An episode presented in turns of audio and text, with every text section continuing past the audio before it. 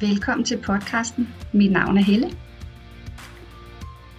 Jeg håber, du har sat dig godt til rette og måske nyder en kop varm te eller noget kaffe. Og lige øh, lad det her være sådan en dejlig, kærlig stund for dig selv, hvor du kan blive lidt inspireret og måske løftet lidt i forhold til øh, din måde at være i livet på. Den her podcast, den handler om øh, det, jeg kalder forventningsfælden. Og når jeg ligefrem kalder det en fælde, så er det jo fordi, at den så nemt, uden du opdager det, stjæler både din ro og din glæde. Og den er så nemt lige at falde i, øhm, som alt muligt andet, når vi ikke er vågne over for, hvad det er, der foregår. Hvis du har lyttet med her øh, til min podcast og måske på min Facebook-gruppe, så ved du godt, at jeg øh, er meget optaget af det her med, at du skal være vågen, at du skal bruge din bevidsthed til at observere det, der foregår, så du kan øhm, gøre dig fri af alt det, der trækker dig derhen, hvor du ikke ønsker. Så hvis nu vi lige sådan starter med selve ordet forvente, forvente, så for mig, der ligger sådan en øhm, betydning af, at vi ligesom på forskud venter, at noget bestemt skal ske. Vi forventer, venter på forskud. Giver det mening for dig også? Det her med at forvente, vente på forhånd, at noget særligt skal ske, øhm, der kan jo ligge en, en glæde, hvis det er noget, du går og glæder dig til. Men problemet med det oftest er, at der kan ske tusind andre ting, end det du venter, der skal ske. Så hvis du går og glæder dig til noget, og måske har overrasket en, du holder af, eller glæder dig til en særlig aftale, og, og venter, at den bliver ekstremt hyggelig, og har måske allerede sådan nogle øh, billeder indeni om, hvad der kommer til at ske, og hvor dejligt det bliver. Så er virkeligheden jo sådan, at der kan ske tusind ting, øhm, som gør, at det ikke går præcis som du forventer, som du venter dig. Og på den måde, så øh, kommer virkeligheden ret tit i vejen for, at, øh, at det bliver, som du ønskede, som du troede, som du håbede. Og det gør så, at der kan øh, trække en tråd ind til noget uro i dig, og vække alle de her øh, forskellige øh, lidt tunge følelser af skuffelse. Du kan føle dig afvist, du kan blive ked af det, du kan måske have en oplevelse af, at den anden er utaknemmelig eller tavlig. Og så starter alle de her negative historier øhm, om, at det ikke skulle have været sådan, og det er også uretfærdigt, og nu er det helt ødelagt, alt det her. Der er ikke noget galt med, at du går og glæder dig til noget.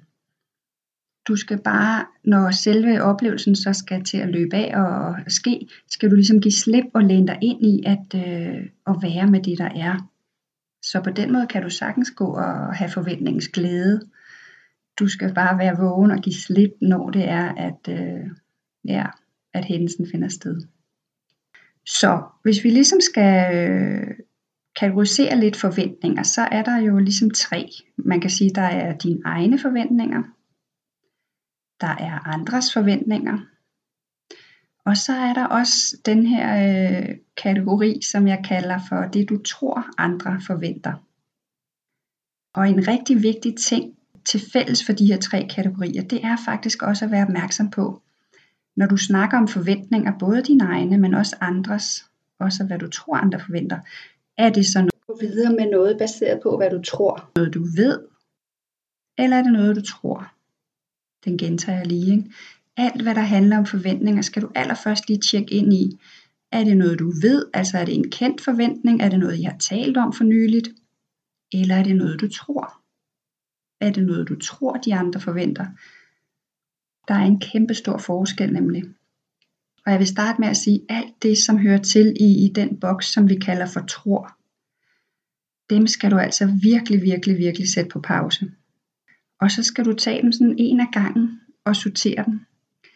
Sådan at du enten gør noget ved dem, det vil sige, du snakker med andre om dem, for at kan flytte dem op i den boks, der hedder, at det er noget, du ved. Du ved, det er andres forventning. Og så længe det ikke er noget, du ved, så må du give slip på den og lade den stå.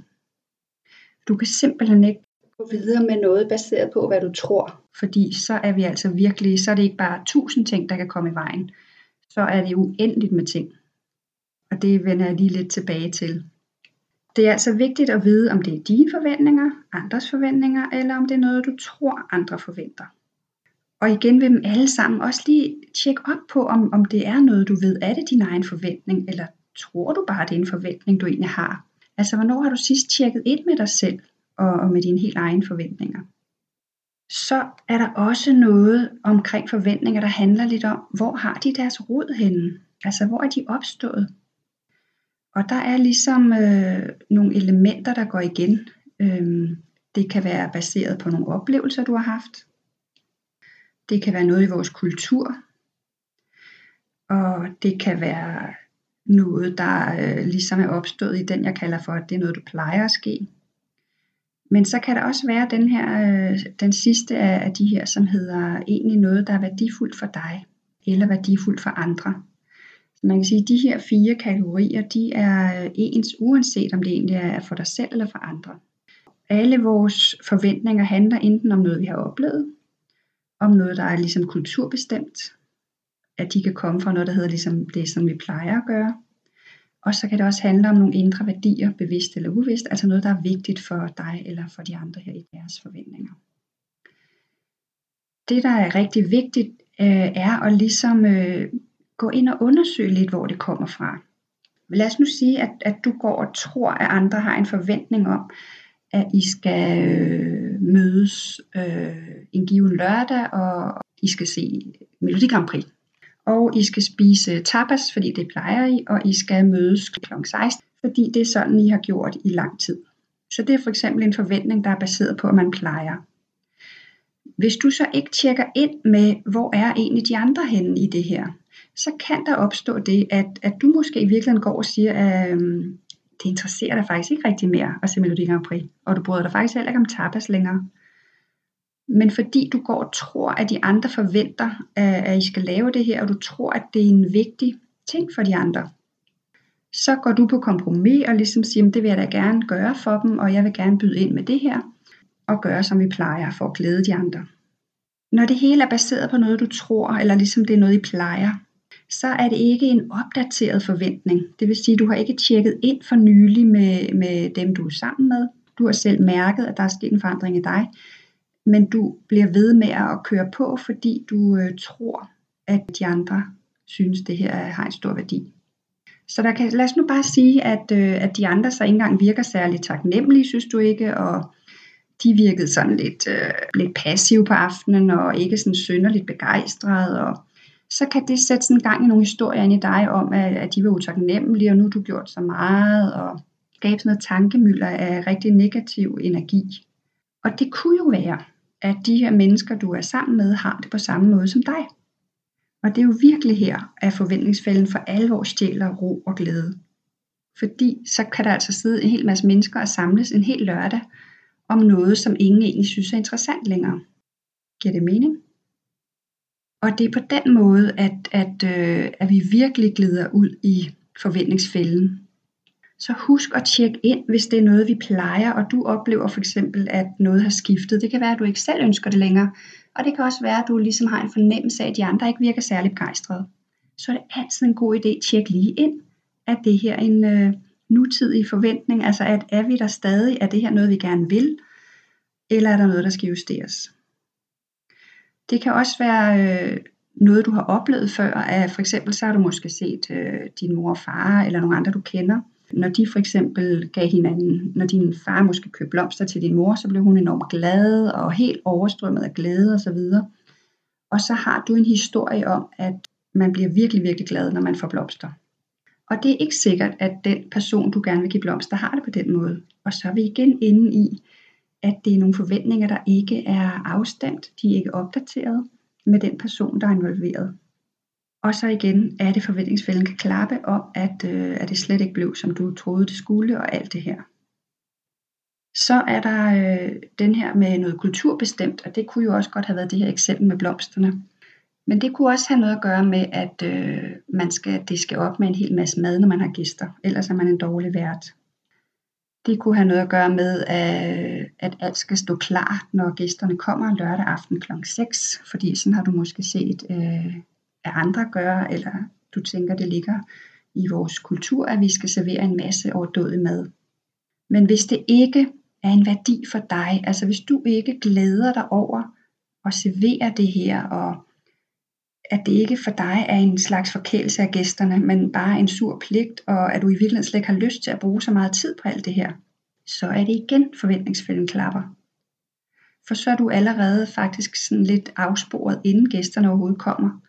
Og du har faktisk bevidst eller ubevidst gået på kompromis med, hvad der er sandt for dig, hvad der er vigtigt for dig. Så lyt indad til det og se, hvor kommer, hvad er roden til, til den her forventning, hvis det for eksempel handlede om at diske op med det helt store, og alt skulle stå klar, når gæsterne kommer. Så hvis du for eksempel går og føler dig øh, brugt, og føler dig utilpas med det, og føler det faktisk er en sur pligt, så er du på afveje, og så har forventningsfælden fat i dig. Så stopper du op og begynder at mærke efter, så hvad er det, du har lyst til? Jeg oplevede faktisk selv det her med, for eksempel det her med at, at gæster kl. 18, og alting skulle stå klar. At i mange år hyggede jeg mig med det.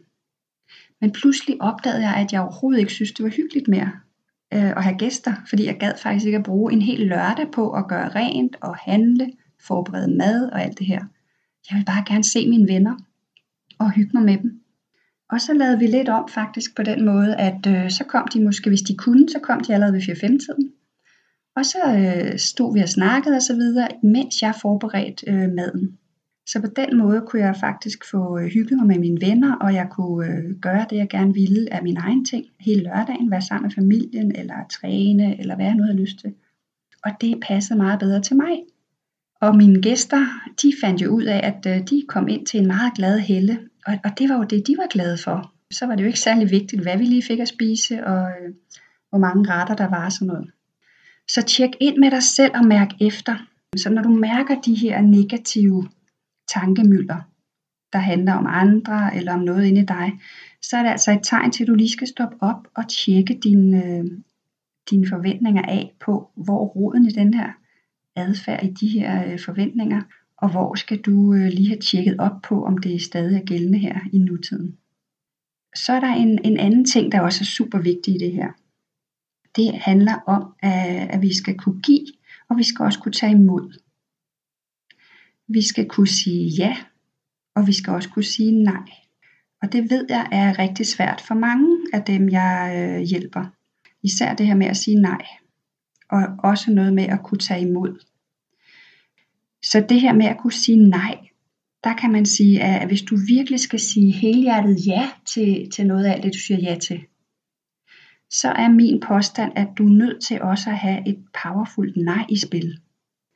For hvis du har sådan et ja, der bare sådan kører på autopilot, fordi du vil så gerne være sød og rar, og du skal ikke skuffe de andre, så jæerne de flyver ud af dig, ikke?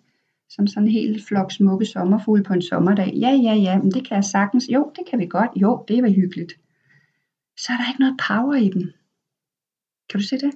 Så er der ikke, der er ikke en kærlig øh, intention bag. Du har ikke dig selv med i. Ja, jeg vil gerne bruge tid sammen med jer på lørdag. De kommer bare. Ja, ja, ja, ja, ja, ja. Så for at skabe harmoni og balance i dig og lave dybe rødder, så du vidderlig har dig selv med, så skal du have et powerfult ja, der siger ja, jeg vil virkelig gerne bruge lørdag sammen med jer, fordi jeg holder af jer, og jeg synes, det er så dejligt at være sammen. Og så kommer der også et powerfult nej, der hedder, nej tak, jeg har ikke lyst til at deltage øh, i, i det her øh, arrangement, som tager det meste af min weekend, øh, fordi jeg vil gerne nogle andre ting så kommer balancen i det, i stedet for at, øh, at du bare går og siger ja til alle andre, og i virkeligheden på den måde siger nej til dig selv. Og der vil jeg også gerne lige tilføje, nej er en fuld sætning. Nej er en fuld sætning. Når jeg siger det, så er det for at fortælle dig, at du behøver ikke at forklare noget, når du siger nej. Du behøver ikke at forsvare, hvorfor du siger nej. Du behøver ikke at overbevise nogen om, at du har en god grund til at sige nej. Du må gerne bare sige nej. Det passer ikke. Nej tak, det har jeg ikke lyst til. Nej tak, jeg har brug for at slappe af i øjeblikket. Nej tak, det er okay at sige nej. Jeg hørte faktisk en historie om øh, et ægtepar for nylig, som simpelthen ønskede at at have nærvær, kærlighed og samhørighed i deres ægteskab. Og derfor så øh, havde de simpelthen aftalt, at hver år op til deres bryllupsdag, så tog de deres ægteskab op øh, til revision, og ligesom sagde, siger vi ja igen, og på hvilken baggrund, og øh, hvilke ægteskabsløfter vil vi gerne afgive i år. Og det synes jeg faktisk var ret inspirerende. Jeg tror ikke lige min mand vil være med på den. Men for mig synes jeg, at det var virkelig autentisk og kærligt. Det her med at se hinanden i øjnene og sige, hvor vi er henne. Øh, hvor vil vi gerne hen? Hvordan ser det kommende år ud for os? Så den havde jeg lige lyst til at dele med dig, fordi jeg synes, det var lidt tankevækkende og fornyende, øh, som en helt anden måde at være på. Så det var egentlig, hvad jeg havde øh, planlagt til dig i dag.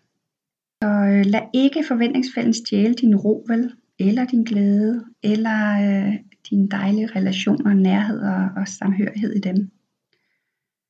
Vær vågen og finde ud af, øh, hvor de her forventninger stammer fra. Er de, øh, har de værdi for dig, for de andre? Er de opdateret, og er det noget, du ved, og ikke bare noget, du tror?